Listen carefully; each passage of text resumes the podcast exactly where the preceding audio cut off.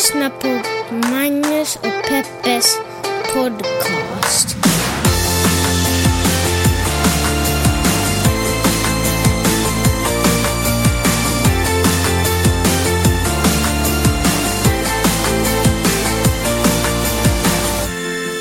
Hallå internet och hjärtligt välkomna till 2017. Det är så otroligt roligt att ha med er i vår podcast som heter Magnus och Peppes podcast. Jag heter Magnus. Och jag heter Peppe. Det stämmer. Och eh, vi har en podcast som handlar om, där vi pratar om saker som händer runt omkring oss i världen. Eh, stora små händelser kan också vara helt personliga privata och så försöker vi titta på de här och diskutera dem och kommentera dem ur ett eh, huvudsakligen feministiskt per perspektiv, eh, men också ur ett journalistiskt och då det behövs ett mediegranskande perspektiv. Gud, jag har, det är så befriande, den här podden har hjälpt mig så otroligt mycket när jag befinner mig på evenemang och händelser och sådär och, och någon frågar mig eller det kommer fram att jag har en podd och så frågar de vad handlar den om och så kan jag dra den där uh, introharangen helt enkelt till dem. Ja, vad kul att du frågar. Så jag heter Magnus Silvenius och jag gör den här tillsammans med min hustru som heter Jeanette Peppe Öhman. Och det är en podd om samma betoning, samma intonation också. Anyways, eh, tittade precis på min telefon, har fått lite likes på en eh, bild som jag la upp nyss. Men vad roligt Magnus. Och jag måste ju säga att det som gör, det som gör Instagram så roligt för mig, det som ibland eh, skänker mig värme och glädje i hjärtat och får mig att le, det är när jag liksom ser eh, otippade människor som likar. Till exempel min gamla boxningstränare sen, för två år sedan helt plötsligt går in och likar en bild oh. på min bebis. Det tycker jag är... Ja, det, det är roligt. Mycket roligt. Instagram hörni va? Och det har förändrat oss. Förändrat Vad roligt att du sprider budskap om det finns ett sånt här socialt medium. Vilken vecka jag har haft. Vilken lördag jag har haft. Eh, framförallt, lördagen kan man säga var egentligen hela min vecka. Berätta, det var bastuklubben. Ja, alltså det var som, får jag bara, snabbt ska jag bara dra igenom den, sen tänker jag att vi snackar lite Donald Trump och så går vi vidare och ser var vi hamnar. Mm. Eh, på morgonen, eh, Vidde hade sin eh, sista baseballmatch med pokal och allting som skulle delas ut. Jag missade pokalutdelningen för jag var tvungen att rusa iväg till ett seminarium som anordnats av en organisation här i Los Angeles som heter Metal International. Vilket är roligt, jag tror att Metallarbetarförbundet, ja, som det heter i Finland. Nej, det är en, liksom en intresseorganisation för människor inom teknik, underhållning, eh, innovationer överhuvudtaget. Och så samlas liksom företagsledare. Skulle du säga teknologi eller teknik? Teknologi, skulle jag säga. Och så samlas liksom företagsledare för de här uh, olika för företag inom de här olika intresseområdena. Eh, det är ett slutet sällskap, liksom man måste bli inbjuden och så måste man vara medlem. Och så samlas de i en, i en biosalong faktiskt. Och så hålls det föreläsningar och presentationer om och vad de här olika, vad de här olika människorna vet om och framtiden. Och jag tänker skvallra lite om, jag har varit på den här gång, grejen en gång förut, jag tänker skvallra lite också i podden om vad jag, vad jag fått lära mig. Alltså det är så otroligt spännande. Men berätta. Sen, för jag vill fortsätta på min lördag. Okay. Efter det så var jag tvungen att rusa tillbaka till skolan för att eh, det var liksom karneval och trevligheter så då stod jag och hängde i ett sånt här litet... En fundraising. En, var det en fundraising? Ja, men, ja jo, men det ja. för man köpte biljetter. Okej, okay, men vilket fall som helst. Så här roligt för barnen. De får gå omkring och kasta eh, såna här små dynor och fälla ner gubbar och, men du mm. vet, så här olika, vad heter det, stånd liksom, tivolistånd. Ett tivolistånd. Kom till ståndet. Usch. Ja, i alla fall. Och därefter rusar iväg till, eh, till en an, ett annat, eh, liksom, nu höll jag på att säga hemligt sällskap, men så är det inte. Men en social tillställning. Men det är också en sluten tillställning. För, för svenskar i Los Angeles. Alltså, så jävla roligt. Vilken jävla dag alltså. Det är så roligt Älskar med den här alltså, platsen. Den här, det slutna sällskapet, för när du kommer, eh, när du kommer hem från bastuklubben alltså, mm -hmm. som den heter, den här kvällsevenemanget, då är du alltid gladast över att du inte har varit fullast. Ja, jag vet. Det är faktiskt en av de få tillställningar som jag sällan är, som jag aldrig har varit fullast på, faktiskt. Det har varit nära öga kanske? Det var det nära ögat. Jag säger inte att jag kommit hem nykter, fast jag nog var ganska nykter när jag kom hem senast. Men jag säger inte att jag tidigare kom hem nykter, men ingenting mot vad andra fruar har mötts av kan jag säga den där uh, söndagmorgonen. Skit i det! Fantastiskt roligt. Ska vi börja snacka lite uh, Trump och tweets? Ja. Hög aktivitet på uh, at the real Donald Trump på Twitter. Och intressant, han är ju president här i USA och har väldigt mycket inflytande. Vad har du tänkt om det? Jag har tänkt på hur man i början av Donald Trumps presidentkarriär talar mycket om att man ska inte lyssna så mycket på hans tweets, eller inte läsa hans tweets, för det är bara distraktion. Och istället lyssna på det som han verkligen, går, verkligen håller på med och de pressmeddelanden han går ut med och, och det han liksom konkret sysslar med. Alltså lyssna inte på vad han säger, utan på vad han gör. Men nu har jag backat den frågan och tycker att hans tweets faktiskt måste tas på allvar. Man kan inte vara sådär ”äsch, boys will be boys”. Han håller nu på att twittra och har sig, vi måste säga genom fingrarna. Utan det som han säger i det ämbete han har är faktiskt Men, riktigt. men konkret, vad då måste ta det på allvar? Vad betyder det rent konkret? Vi måste skriva artiklar om alla tweets han gör, eller? Nej, det måste vi inte. Men det var en, en, för några dagar sedan var det en, någon som gjorde en bot på Twitter där de gjorde om alla hans tweets till eh, officiella pressmeddelanden. Så de kom liksom med Vita husets logga och liksom... Som ett skämt eller på riktigt? Att, mm, vadå? Alltså, Hur ska man veta det idag? Eller vadå? Ja, men alltså det var ju, inte vet jag om det är ett skämt, men det, var ju inte, det kom ju inte från Vita huset. Nej, nej. Men det liksom, poängen med den här botten var det att, att vi ska se på Ja, hans ja, just som det. om det var Som ett, ett officiellt... statement, Precis. där, det. För det kommer ju trots allt från det, USAs president. Ja, Okej, Och- smart. och, vad heter den, eh, förlåt, vad heter det Twitterkontot? Jag kommer inte ihåg. Vi, jag kan, vi kan lägga upp det när vi skriver den här podden. Jag kommer inte Okej. ihåg vad det heter. Men... eh, Och det tycker jag, och när man såg liksom det i ett sammanhang, hans... När man såg det i ett liksom ett sånt officiellt, på ett officiellt papper så att säga, fattar man vilken tyngd det egentligen har, vilka galenskaper han, han tweetar ut och han verkligen gör det helt liksom randomly. Han sitter och tweetar som vem som helst annan av oss som kollar och tittar på The Bachelor ungefär och kommenterar det han efter. Och eh, jag säger inte att journalister måste skriva en text Alltså om vem kollar varje på The Bachelor tweet. och tweetar samt parallelltweetar? Kolla hashtag Ja, anyways, Bachelor. ja. Och... eh, Jag menar, det är ju så spännande så man hinner ju inte. Exakt. Eh, I alla fall, och då, så jag tycker att man ska ta det på allvar. Det är ju liksom Ja, president... men fast vad betyder det i praktiken? Jag fattar, vad, vad, är det du säger? Att han får stå till svars för dem, till Man- exempel. Så man ska ifrågasätta honom? Hela tiden. Och då känner Men jag vem så och hur? som ett exempel, när, uh, se det här terroristattacken i London, Mm. när eh, Donald Trump tog, tog en mening, mening ur eh, borgmästaren i eh, Londons eh, utlåtande. Han skrev så där, ni kommer att se, hell Londonbor, ni kommer att se mycket poliser ute på gatorna inom, inom närmaste framtiden. Var inte alarmerade, allt är bra. Och det hade verkligen tagit bara åtta minuter för polisen att få fast förövarna i det här bombattentatet, eller liksom terroraktionen. Och då tar Donald Trump ut den här meningen, var inte alarmerade, och, och hånar den och säger att sådär att herregud, den här borgmästaren, här sker liksom, dör en massa människor. Och borgmästaren säger bara att ni inte ska vara oroliga. Och så, tog, så gjorde dessutom Donald Trump lite sin egen grej och sådär. Där ser ni, därför är det så viktigt att ha en, en, ett inreseförbud, det som de höll på att försöka få igenom redan för flera månader sedan, för att annars händer sånt här. Och, ehm, och det är ju liksom jättekonstigt, för det första är det ju liksom eh, oetiskt att ta en mening ur sitt sammanhang och göra det till något helt annat. Det är kanske så att man, sånt håller man på på riktigt låg nivå. Men annars också är det liksom en väldigt ordentlig peak mot, eh, mot London och hela Storbritannien som traditionellt har varit en allierad med USA. De liksom har varit bästa vänner länge och så visar liksom Donald Trump bara... Men tänker du att det här tweeten nu påverkar diplomatiska förbindelser mellan Storbritannien och USA? Nej, men, Så men- exakt, så då har den ju ingen betydelse.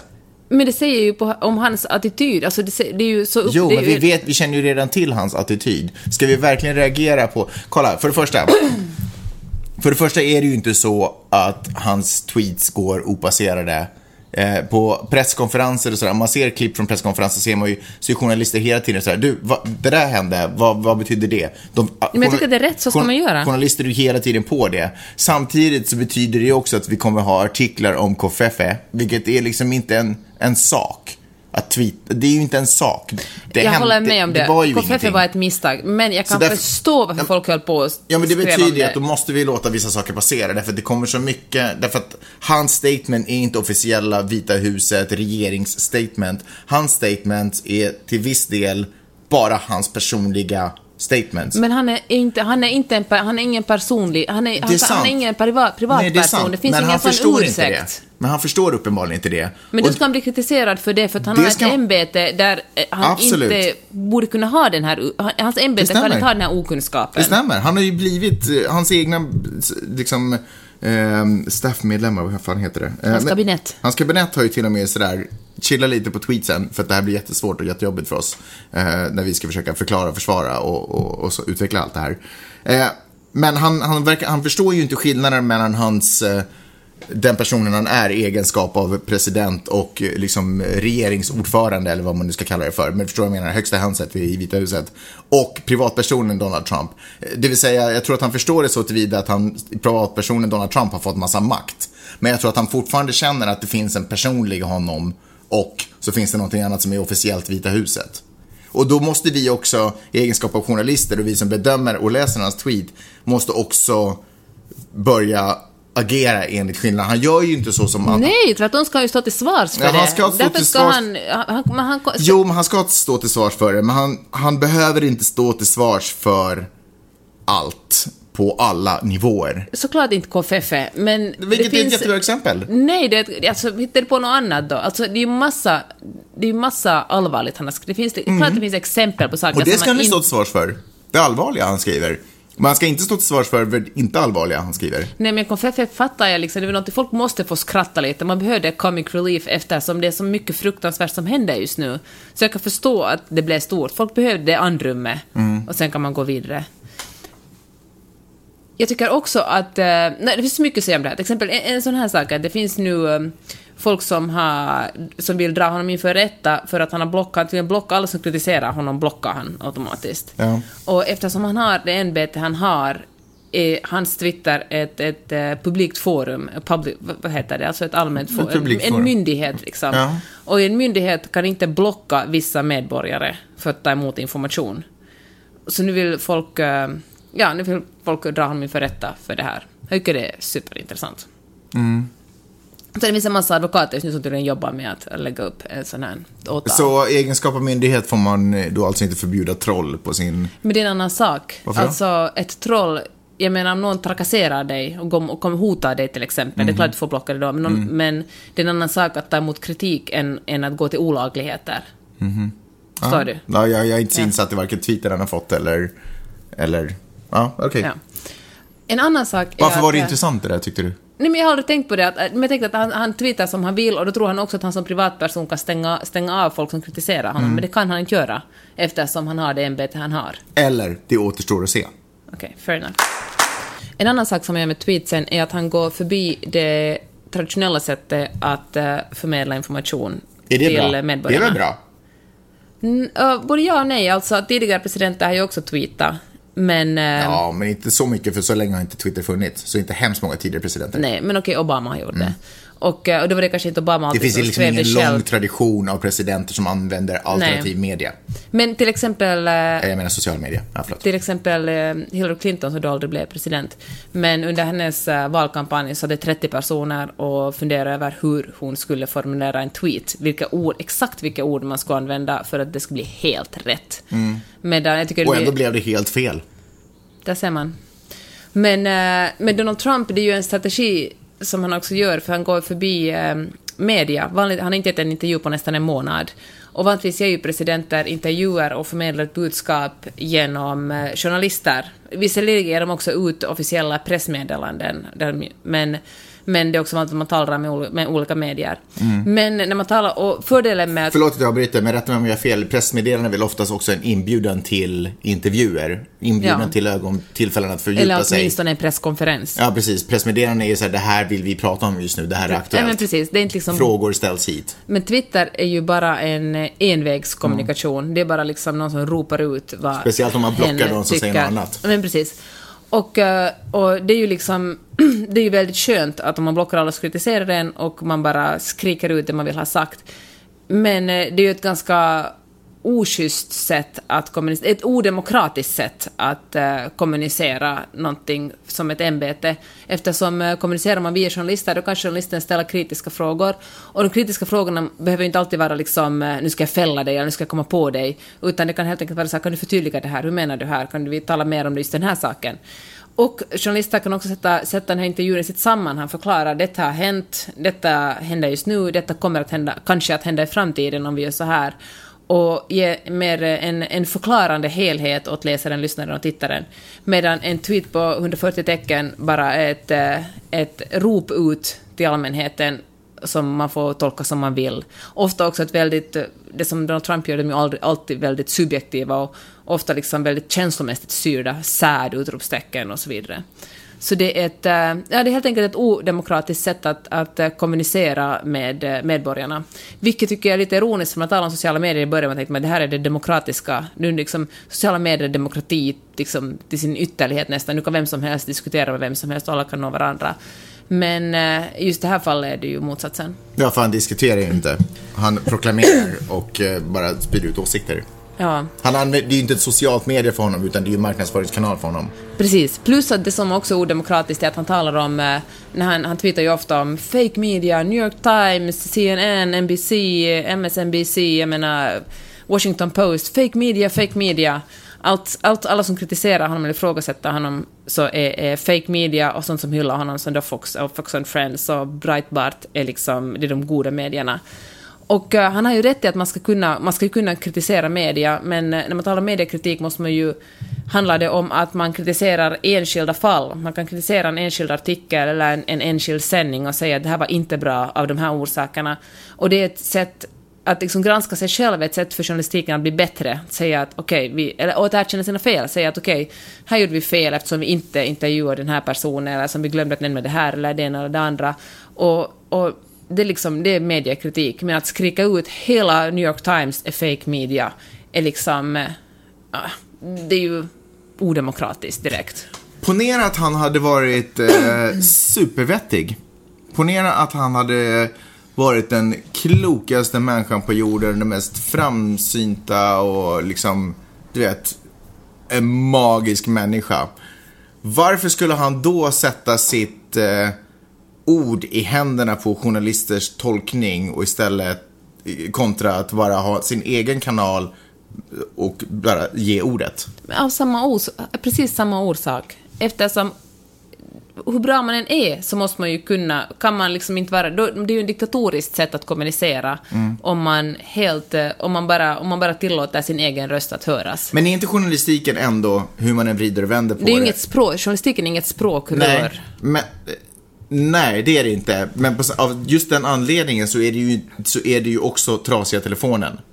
Det vill säga att journalister är mottagare av information och ska sortera upp det och mm. tolka den och sen återberätta den till en st större massa. Varför inte, varför kan den här vettiga människan inte bara få tala direkt till folket? Mm, för, om vi säger att, att han skulle, människan skulle tala i, i, längre artiklar än i bara 140 tecken, tänker du? Eller tänker du att det fortfarande bara handlar om Twitter? Ja, Twitter, men du vet, social media. Ja, men då, då faller ju fortfarande de kritiska frågorna och sammanhanget bort. Det är liksom, hur vettig man är så, så blir det ju ändå bara en, en persons åsikt, en oifrågasatt åsikt. Eller en åsikt utan sammanhang. Jag menar, det oberoende av budskap, jag tror inte det handlar så mycket, nu tweetar ju liksom Donald Trump galenheter, men det handlar inte så mycket om liksom, eh, det handlar, det handlar såklart jättemycket om det, men oberoende vem presidenten är så måste det ändå finnas någon som ifrågasätter honom, eller henne, hen. Um, New York Times och alla där borde ju intervjua honom över Twitter. Han skulle säkert ja. nappa på det mycket lättare. Fast å andra sidan så skulle vi få ganska yxskaft konversation säkert, för han skulle... Ja. Man vet ju annars bara hur det är att diskutera med folk på sociala medier. Det blir ju sällan konstruktivt och, mm. och in, informativt. För jag, tänk, jag, tänkte på en, en, sak som är lite kopplat till det här. Jag intervjuade svenska Hollywoodfrun Gunilla Persson i veckan. Och hon sa en massa roliga saker. Men hon sa bland annat också så här att hon tackar ja till precis alla intervjuer. Här känner jag mig inte så jättespeciell. För att det är hennes sätt att uh, få ut sin sanning. För hon tycker att när hon är med i Svenska Hollywoodfruar så klipper produktionsbolaget in henne i konstiga situationer. De klipper bort liksom allt det vettiga och så lämnar de bara det galna kvar för att hennes karaktär ska vara arg och galen. Men när hon gör intervjuer så då kan hon förklara helheten. Jag tror faktiskt att det är det här som många mm. tror att journalister också gör. Att, det som produktionsbolaget Ja, att ja. journalister har liksom någon form av eh, underhållningsagenda mm. där man eh, där man redan har bestämt sig för, och, det, det, har säkert förekommit, det säger jag inte, där man redan har bestämt sig för vad man tycker om den här personen och vad den här personen är för någonting och sen så klipper man ihop det så att det liksom mer stödjer ens egen tes mm. snarare än att man egentligen har varit objektiv och observerat den här människan. Det är för det är viktigt som journalist att granska sig själv hela tiden mm. och fundera på varför är det här rätt. Men äh, Ja, sen finns det ju, ja som sagt finns det ju bättre och sämre journalister.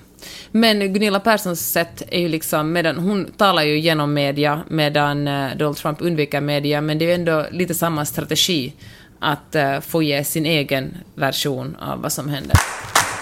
På sajten J... Nej, förlåt, på sajten C... Ah, fan.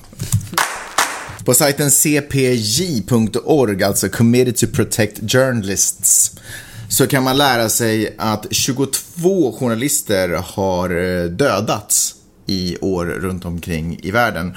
Och det som jag tycker är anmärkningsvärt, den här, eh, jag tror att den här sajten, eller den här organisationen har registrerat och, och, och undersökt det här sedan 95. Eh, men det som jag tycker är anmärkningsvärt i år är av vilken anledning, den huvudsakliga anledningen till att journalister mördas i världen idag är. Och nu ska du få gissa. Alternativen du har är, eh, de har grävt och forskat i, eller bevakat snarare. De har bevakat eh, human rights, de har bevakat kultur, de har bevakat brottslighet, de har bevakat korruption, de har bevakat krig eller de har bevakat politik. Hmm. Krig eller politik säger jag. Mm. Då säger jag... Politik.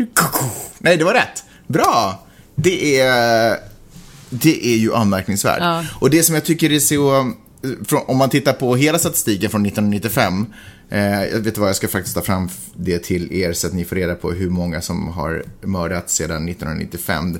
Eh,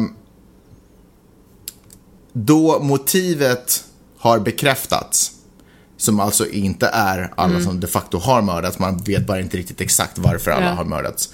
Så är det 1241 journalister som har mördats sedan eh, 1995. Men eh, jag menar, nu då så snackar vi om eh, 22 stycken. 2017 och året inte ens slut. Det är ju- Men herregud, det det är månad sex Ja. nu. Förstår du? Alltså det är ju så absurt. Men, men det som jag tycker är så anmärkningsvärt är att politik.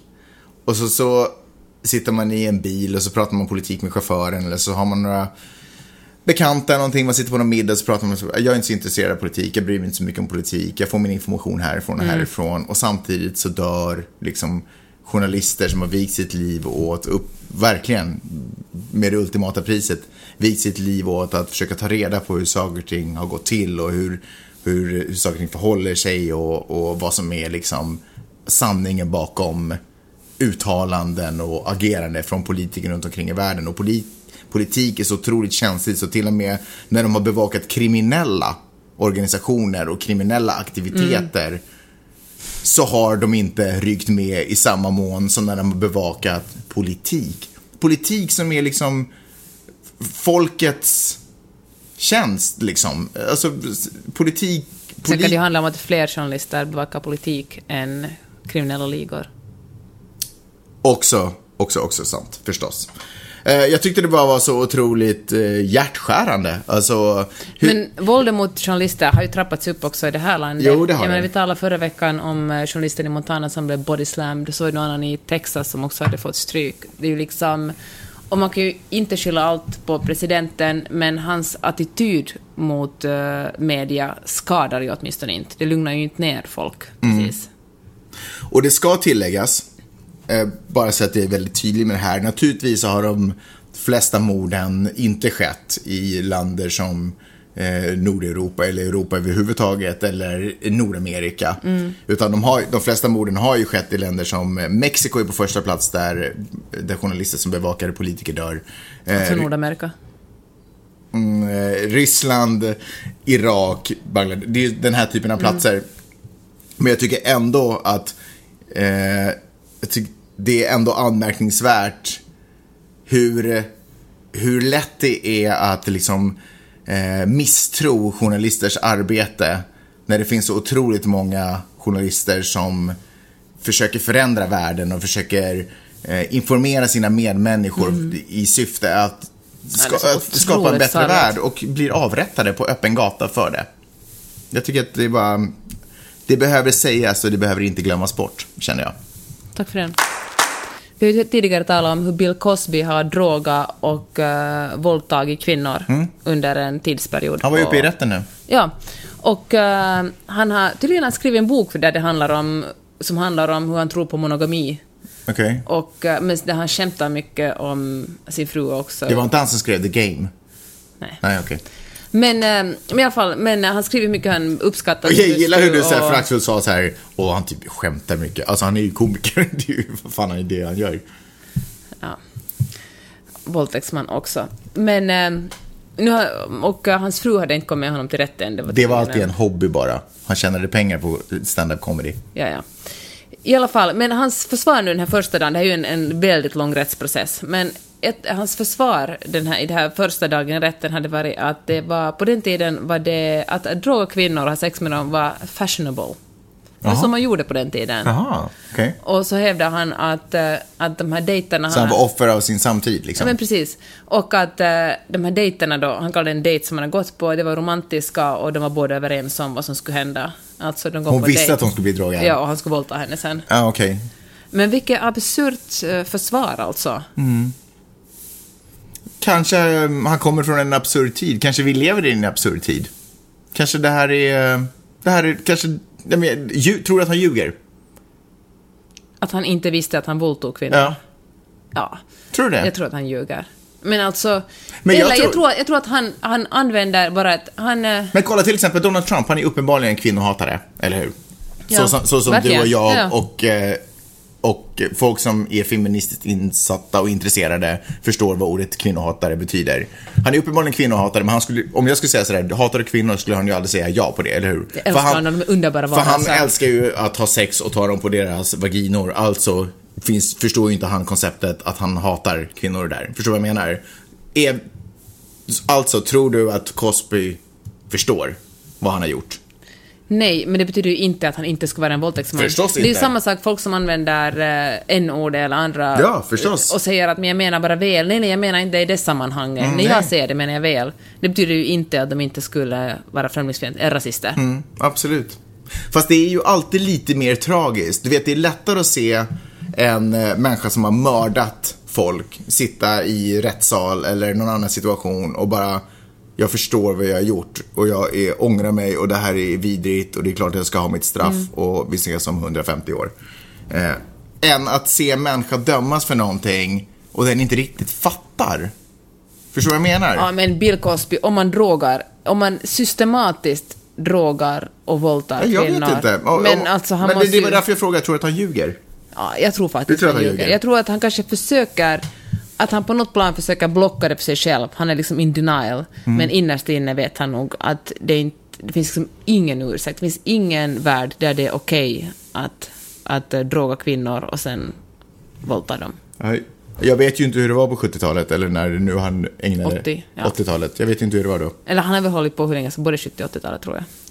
I alla fall. Det, vill, jag Det vill, var ju ja. mycket disco på 70-talet. Du får inte skoja om det här Magnus. Nej.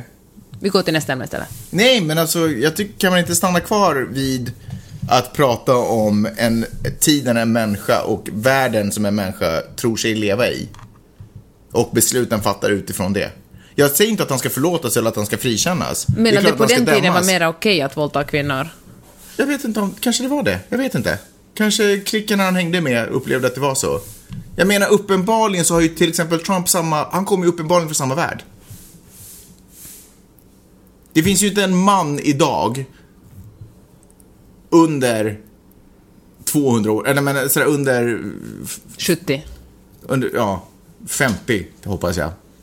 40. Som skulle kunna stå upp och säga att det är okej att ta sådär till Ja, det finns det ju säkert. Ja, men de är ju... Så säkert finns Ja, det. men jag tycker inte att det är allmängiltigt, liksom. Det finns alltid extrema och match, folk som lever kvar i någon annan, på en annan, folk som det finns ju alltid människor som lever på en annan planet, men har fötterna på jorden, men liksom befinner sig här. Men jag förstår nu, vad talar vi om det, att det på den tiden var mer okej, att i den bubbla som Bill Cosby levde i, så var det helt, att han förstod inte att det fanns någonting fel med att droga och våldta kvinnor. Jag pratar om eh, det ledsamma i att en människa som ska, är på väg att dömas för någonting inte förstår egentligen varför den döms. Ja, men jag tror han förstår det. Mm, ja.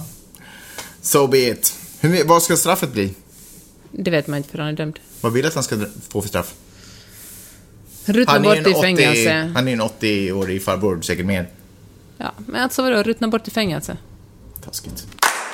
Nu, gott folk, ska ni få höra vad som kommer hända i framtiden. Och inte ens så speciellt långt i framtiden, om jag får tro eh, de som pratade på det här eh, seminariet, metallseminariet som jag var på i lördags.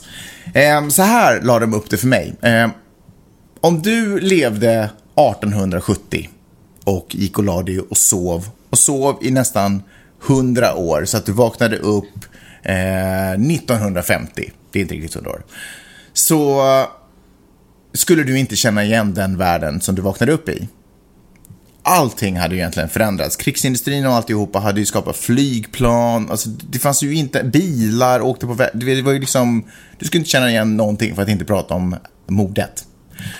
Eh, om du 1950 gjorde samma sak, att du gick och la dig och sov och sov till ungefär dags dato, så skulle du ungefär känna igen dig. Flygplanen, skulle, saker och ting skulle se lite annorlunda ut, men det du såg när du gick och la dig finns i princip fortfarande kvar. Liksom.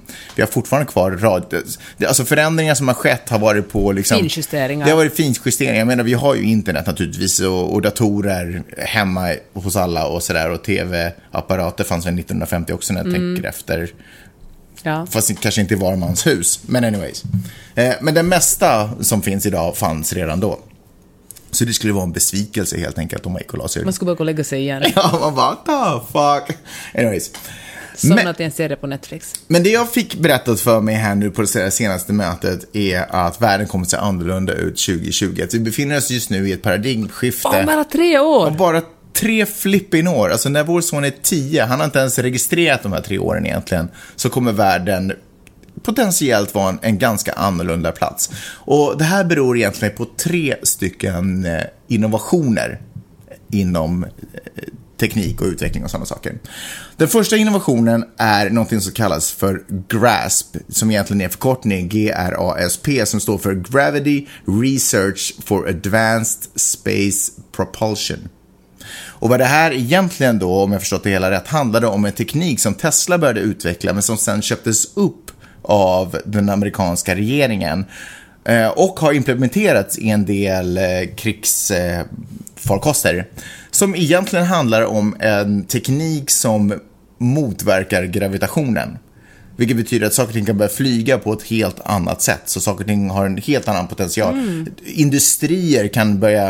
Eh, eh, ut, jag menar, ponera att du, ska, du har en produkt som är en sfär så kan du naturligtvis i ett gravitationsfritt utrymme mycket lättare skapa en sfär än om du måste mekaniskt forma en sfär, till exempel.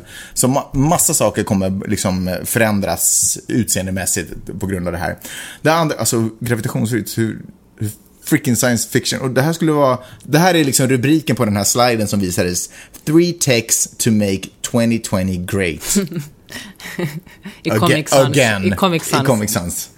Ehm, den andra innovationen är en, annan förkortning som kallas för CRISPR. CRISPR. Det står för Clustered Regu- Regularly Interspaced Short Palindromic Repeats. Obviously. Och vad det egentligen handlar om är genmanipulation. Det finns ju idag. Vi använder oss idag.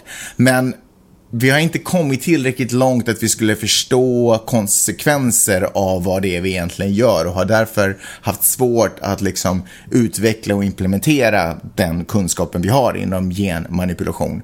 Men 2020 så har tydligen då har, då, har, då har tydligen steget tagits så att vi har mycket större kontroll och kan utveckla saker på ett helt annat sätt. Som till exempel vad? Med en större exempel. förståelse.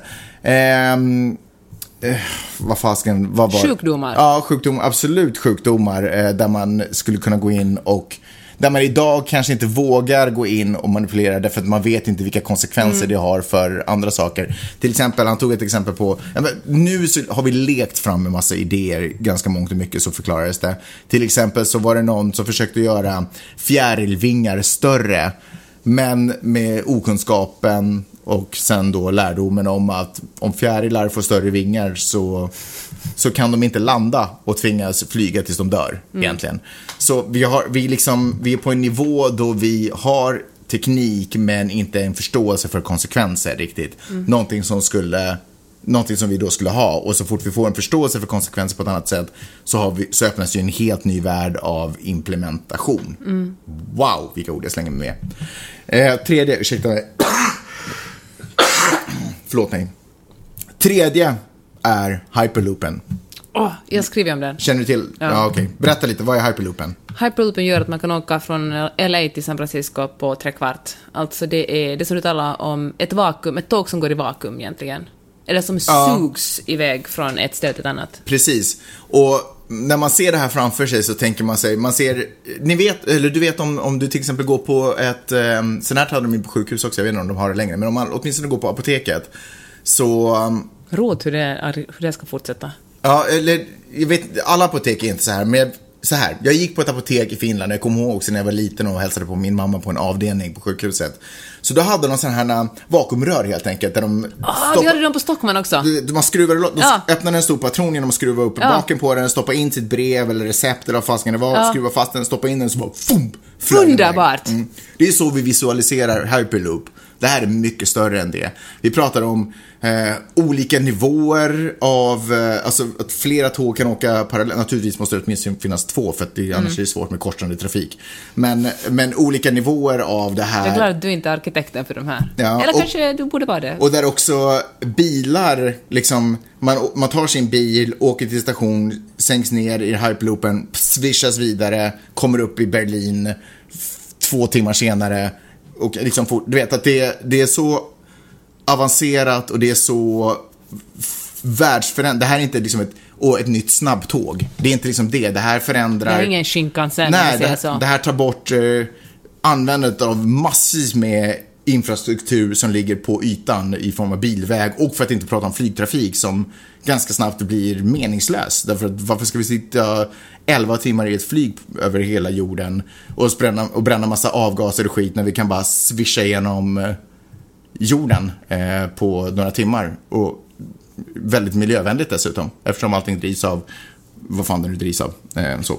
så det är också en grej som skulle, som skulle förändra hela strukturen, därför att den kapaciteten att planera att kunna eh, fylla de här tuberna med, eller jag vet inte hur jag ska beskriva det, men de här vagnarna med då, är så hög så att du, liksom, du slänger in mängder med människor som ska någonstans. Så hela den här, eh, allt det här sitta i bilköer i Los Angeles kommer bara liksom upphöra. Det finns ingen anledning för det. Och att det också går så snabbt. De tre grejerna. Vad sägs om det, Peppe? Fantastiskt! Jag vill att framtiden ska komma nu. Och det som är så magiskt är för att alltid när man får höra om framtiden, när man ser eh, program på TV om, och jag kommer ihåg så här 1996 eller 97 eller någonting, nej fan vad snackar jag om, eh, 1980 så satt man och tittade på en, så kommer jag ihåg att jag tittade på en så här, ett TV-program på SVT, enda kanalen som fanns då, eh, om hur framtiden skulle se ut år 2000. Och det var, det var så långt i framtiden och givetvis så hände ju väldigt få av de sakerna. Eh, som, som Kolonier på månen och Nej, men det var, det var mycket snack, nej det var inte ens det. Det var så här snack om att man inte skulle gå någonstans utan man skulle åka på... en hoverboard. Nej, inte ens det. Alltså ännu sämre teknik, ännu sämre fantasiförmåga. Där Cykel. Rulltrappor, alltså flygplan, du vet flygplatser, Ah, och, ja. de platta rulltrapporna som bara tar, du vet att vi bara skulle stå på sådana runt omkring i stan. De hade ju i och för sig rätt. Ja, vi gör det på flygplatser, ja. Ja. men det här var liksom, nu skulle man åka till butiken så. Och sen också roligt det här med eh, prattelefon, att man kunde titta på varandra medan man pratar. Mm. Det var ju stort. Fast det var aldrig stort 2000. Det är faktiskt roligt. Det blev ju stort egentligen. Mm. Nu är det ju någorlunda stort för att vi har bredband och kan jobba med det. Anyways, det här är inte långt fram i tiden. Det här är inte 2050 och hoppas att det lever och får se och uppleva det, utan det här är 2020. Om du grejar tre år till, så då har vi kommit en god bit på vägen. Det är redan stater som har det här Hyperloop är ju Elon Musks eh, projekt. Alltså Tesla-snubben. Ja, men jag, jag tror inte att han inte, han, det är inte hans företag på något sätt. Men han är väl en av liksom eldsjälarna bakom det. Eh, och de har ju liksom redan stater som det här kommer implementeras under liksom år, kommande år där det ska testas det här. Alltså det är ju så. Ja, Men finns inte det, jag tror det håller på att byggas någonstans i en stad mellan eh, Los Angeles och San Francisco, finns det en stad de håller på att bygga det nu, så de kommer att testköra det. Mm. Precis, typ men nu pratar jag om en stat som, i världen som har gått med på att implementera det här i staten för längre sträckor. Alltså jag tycker det är så grymt. Plus andra grejer de pratar om på det där seminariet som handlar om effekten av eh, att bilar kan börja köra sig själva så att säga. Utan att man, förarlösa bilar helt enkelt. Och hur, idag är till exempel eh, långtradar chaufförer är ju de naturligtvis som, som gör att vi får bär och grejer och sådär. Ett ganska högavlönat arbete. Vi får bär och grejer. Ja, Ja, ett, det ganska, är sant. ett ganska hö, högavlönat arbete som är ett ganska trasigt jobb att göra för det är så påfrestande, långa sträckor och alltihopa. Mm. Sitta stilla så länge. Eh, Men eh, redan nu så har de fått eh, sådana här lastbilar att ta sig från plats A till plats B utan att ha en förare aktiv vid ratten nog, eftersom det är testfas har de ju haft med i kabinen. Men aktivt eh, vid ratten har ingen suttit. Och så berättar de liksom om tekniken om hur en bil kan, hur, hur det kommer sig att en bil kan köra förarlö, förarlöst. Hur den, hur den här tekniken, det här lilla chippet registrerar den fria utrymmet runt omkring bilen och sen placerar bilen på rätt plats i det här fria utrymmet. Alltså det var så otroligt fascinerande. Så otroligt fascinerande. Men eh, får jag säga en sak om det här, Mm. den här klubben? Det är ju förbjudet för kvinnor att komma med i den. Eh, varannan eller någonting En gång i sånt månaden Ja. Mm. får man ta med sin kvinna. Och visst är det ganska vidrigt. Tänk alla de här... Men det är inte tänk, förbjudet för kvinnor att hålla föreläsningar där och, hålla, och prata.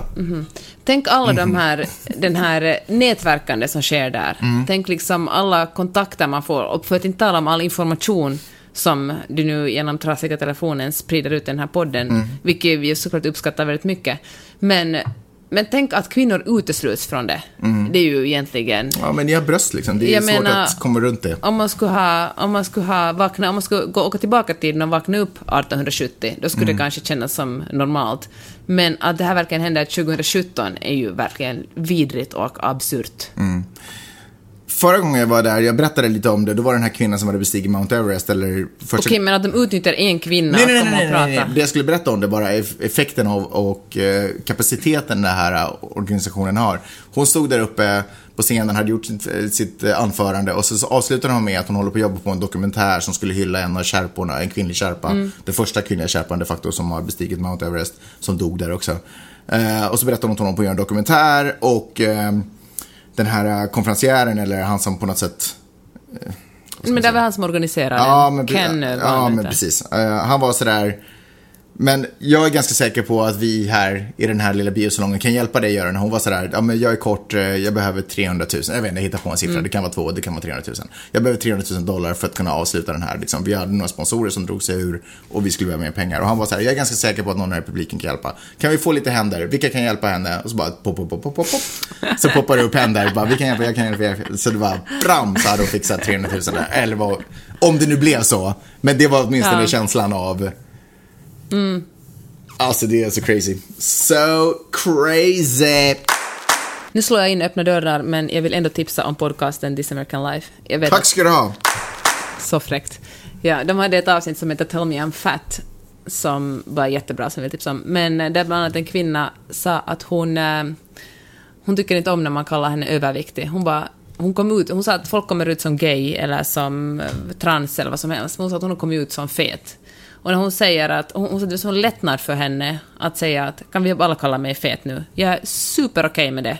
Jag tycker det finns liksom ingenting fel med det. Det att ni säger nej, nej, du är inte alls fet, gör det fel. fel. är, liksom, det, det är ni som säger att det är någonting fel, ni säger att du är inte... Jag är okej med det. Och kalla inte mig heller överviktig, för det säger att det finns en normalvikt och en övervikt och en undervikt. För mig, jag är viktig. Jag är liksom... I alla fall, så läste jag en artikel på... Ja, alltså det är ett jättelångt avsnitt, så jag nu får korta ner i tre meningar. Men lyssna på det, superbra.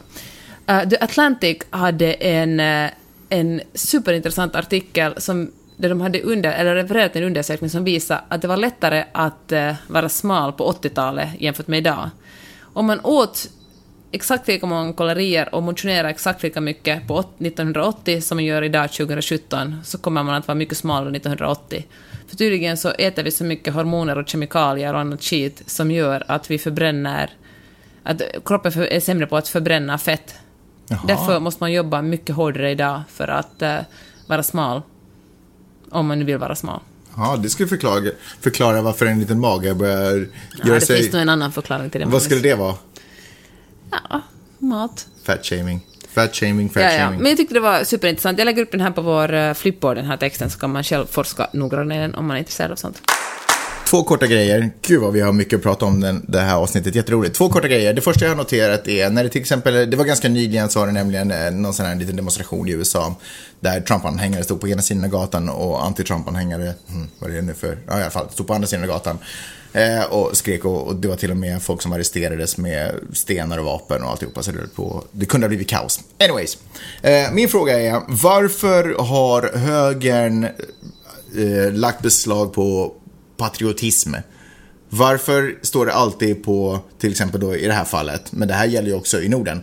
Varför är det till exempel på höger sida som det viftas med flaggor och amerikanska flaggor då och skriker USA, USA och alltihopa. Och på vänster sida så är det bara fyndiga plakat. Varför finns inte flaggorna där? Varför får man inte vara patriot och man bryr sig lika mycket om landet, det är därför man är Ja, engagerad. jag tror det var liksom extremhögern som har Ja, kidnappat. måste vi- Samma sak som Sve- Sverigedemokraterna gjorde i Sverige och uh, Sannfinländarna gjorde i Finland. Jag skulle vilja se mycket mer flagg. Jag menar, jag säger inte att patriotism är viktigt och jag säger inte att det är viktigt. Men jag tycker ändå att det är synd att man inte kan få bry, att man inte kan få visa att man älskar och bryr sig om sitt land genom att vifta en flagga. Jag, jag skulle vilja se fler flaggor på andra sidan demonstrationståget också. Får jag bara säga det.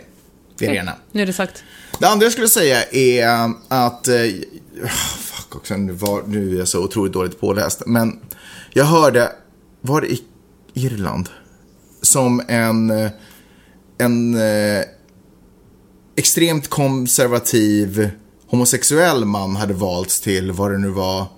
eh, Var, var, Ursäkta men extremt homosexuell. Nej, extremt konservativ homosexuell Okej. man. Han var extremt konservativ, han representerade typ Kristdemokraterna där, något liknande. Eh, och, eh, han var också, och han är också homosexuell. Eh, och han blev, vad han nu blev, partiordförande eller om han blev, förlåt, förlåt mig, korrigera mig naturligtvis. Men min, på, det som jag reagerade på där, som jag nog har slagits av några gånger, att jag som är kanske representant för den mest privilegierade sortens människor som någonsin har levat på planeten jorden. Du är till exempel gift med mig. Till exempel det, med bara det faktum att jag är vit och har alltid haft... Och man. Man, givetvis. Och alltid har haft allting serverat för mig. Eh, men som ändå har, upplever jag själv i alla fall, ett någorlunda empatiskt hjärta och försöker eh, ibland mer lyckad och ibland mindre lyckad släppa in människor, öppna upp diskussioner som ger minoriteter möjlighet att synas och höras och jag försöker inte kväva någon i den, liksom, i den mån jag är medveten om vad jag gör, så att säga. Hur jag hela tiden strävar efter att släppa in alla i diskussionen. Eh, också eh, till exempel eh, om det är eh, regn, det är ju förresten, eh, det är ju Pride, Pridevecka. Pridevecka här nu på, på lördag, det är väl typ ett, om det blir ett tåg eller vad det nu blir. Men också, du vet, när det kommer till ehm, den här sambolagen som det var snack om i Finland för en massa år sedan, stod på torget och liksom försöker uppmuntra och visa sin sympati och sitt stöd. Då, jag tycker det är så intressant, det här är inte fel, det är bara en observation. Jag tycker det är så intressant hur minoriteter kan ta sig friheten att inte vara öppna och inkluderade. Därför att den kampen de själva går igenom och, och det oket som de upplever sig och människor eventuellt har och är födda med på grund av att samhället ser ut som det gör, är så pass hårt så det räcker med att föra sin egen kamp. Förstår du vad jag menar? Mm. I det här fallet, den här ex, extremt konservativa människan som då alltså är emot allting som har med abort och allt sånt här. Eh, som öppnar upp och hjälper andra människor i problem. Och är dessutom homosexuell och har alltså haft massvis med människor som har stött hans eh, frågor.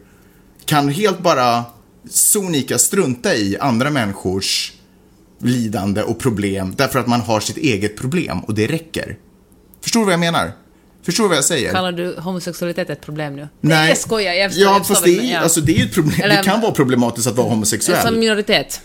Egenskap av minoritet. Ja. Och, andra jag, människors fördomar, jag fattar. jag, men, kan, jag kan chockas över när jag diskuterar med homosexuella män, oftast homosexuella, men, jag- var det kanske är för att de är män. Men det var just det jag skulle säga, det är kanske för att de är män. Ja, kanske, kanske. Men jag kan ändå bli chockad över hur jag kan mötas av främlingsfientlighet, hur jag kan mötas av ehm, hur jag kan mötas av en oförståelse för till exempel kvinnors situation i samhället, kan, eller invandrares situation i samhället.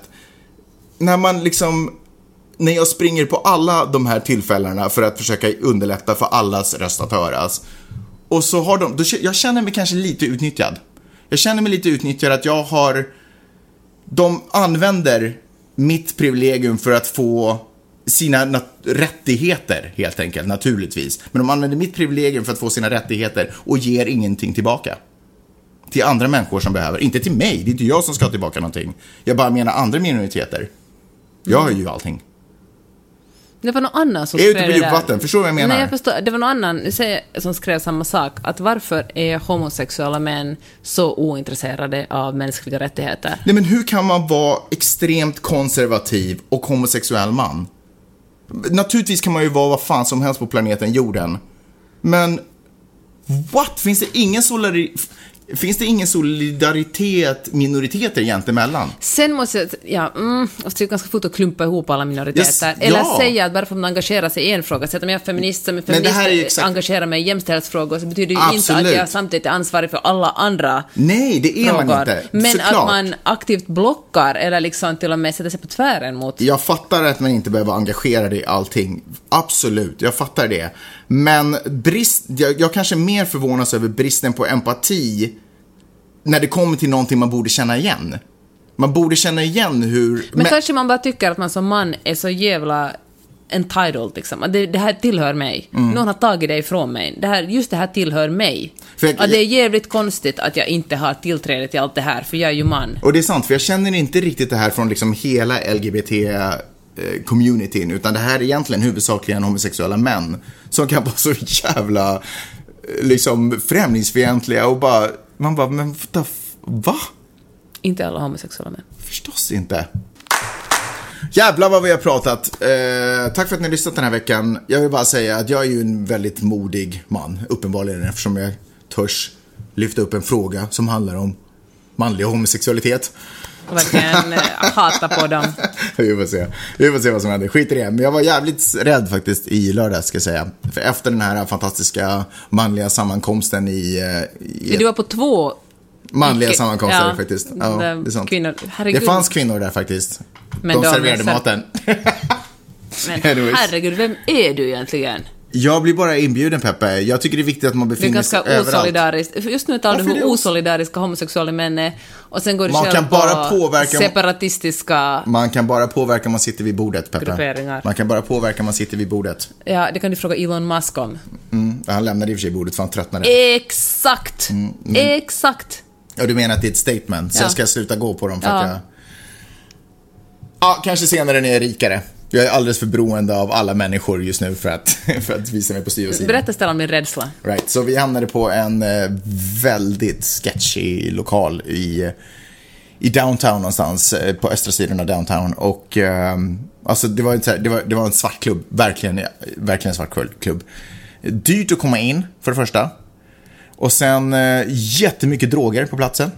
Alla tänkbara färger på drogerna och konsistenser. Och eh, EDM-musik som bara pumpar. Det var som att hamna på något Docklands, liksom. Eh, på 80-talet, 90-talet. Det var inte så som man går ut med sissan på Blind Dragon och Nej, spelar vi, var Shaggy. på, vi var på ett sånt ställe först. Och sen så var det här liksom efter efterfesten. Eh, superknasigt. Och sen eh, så var vi där ett tag och eh, så började det glida runt så här, ett, liksom ett mindre gäng och liksom började lite hota. Men du, hur du hota? Eh, alltså det här som hände mig var att jag hade tappat bort en del av sällskapet så jag sprang runt, gick, liksom, sprang inte, men jag gick runt och tittade liksom efter. Och så går jag ut ur lokalen men fortfarande inom inhägnaden så att säga. Och så bara, titta där borta, titta där borta. Och sen helt plötsligt kommer det fram en tjej till mig. Hon kommer upp och bara så här, Hey what's up? Du vet, och säger någonting. Fast det var inte positivt utan det var negativt. Och så såg jag liksom, så var det liksom ett gäng bakom henne jag vet inte vad som hände, för att jag var snabbtänkt nog så jag bara tittade efter min kompis och bara så här, jag fortsatte titta och så liksom drog jag. Men, Mm. men det som liksom hände parallellt i, i ultrarapid var att hon kom fram, hade liksom på något sätt blivit frampushad av de här andra typerna. Och de började så här ropa någonting, de sa någonting till mig efter det och sådär, var är, typ så här, var är pengarna eller någonting sånt, inte sådär ge mig dina pengar utan bara men det var någonting Ja. med, alltså jag bara hörde hur de pratade, hur allting hände, blickarna, så var bara så här sjukt, sjukt, sjukt, sjukt obehagligt. Och sen så måste jag bara, sen var okej shit, nu har vi varit här alldeles för länge. Eh, och vi, alltså, de människorna som kom dit med hade också lite ibland kostym på sig. Alltså vi var, passade bara inte in, i- Ja. in i det här sällskapet. Ni var rika medelålders reklamare. Ja, och vi var de enda som eh, bodde på andra delar av Los Angeles. Eller liksom rikare delar av Los Angeles var ganska tydligt också. Eh, så jag bara måste försöka samla ihop eh, folk, men eh, hittade inte riktigt dem för det var så jäkla mycket folk där inne. Så jag måste bara, så jag gick ut därifrån och måste gå flera kvarter. Men var du rädd när du kom ut ensam på gatan? Det var andra människor obehagligt. Alltså jag, jag var väldigt alert, om vi säger Ja. så. Nej, det var ganska tomt på gatorna, men jag kände att jag måste gå några kvarter bort och beställa bilen därifrån. Välkommen till att vara kvinna. Jag Varje kväll man går Ja, ut. men verkligen. Jag tog bort min klocka från armen, satte den i fickan, tog bort jackan jag hade på mig, kneglade, liksom kneglade ihop den sådär, höll den bara. Satte Höll, mig höll du en nyckel i handen som försvann? Nej, men jag kan boxas, så till. Nej, men alltså verkligen, det var superobehagligt. Men hörni, här är jag. Allting gick bra. Hörni, tack för att ni har lyssnat igen. Som vanligt är den här podcasten inte gratis. Det kostar 86 cent per avsnitt och tusen tack alla ni som har betalat. Vi är så otroligt tacksamma för att det finns folk som verkligen betalar för innehåll. Och ni som inte har råd att betala, tack för att ni sprider ordet. Jag hoppas att ni agerar som inspiration till alla ni andra som inte har råd att betala och fortfarande inte har gjort er röst hör. In på iTunes, recensera vår podcast, ge oss möjlighet att, att sprida ordet till flera lyssnare och eh, ni som har råd att betala går in på janetteochman.com, letar i högerbalken efter, högerbalken efter två Paypal-symboler och väljer huruvida ni vill prenumerera på den här podden för en minimal slant eller om ni vill betala per avsnitt. Allt det här är väldigt, väldigt gratis för, eh, för folket. Hörni, Som vanligt, eh, korrigera oss, tipsa oss, fråga oss. Magnus Peppe, gmail.com. Vi hörs nästa vecka. Hej då!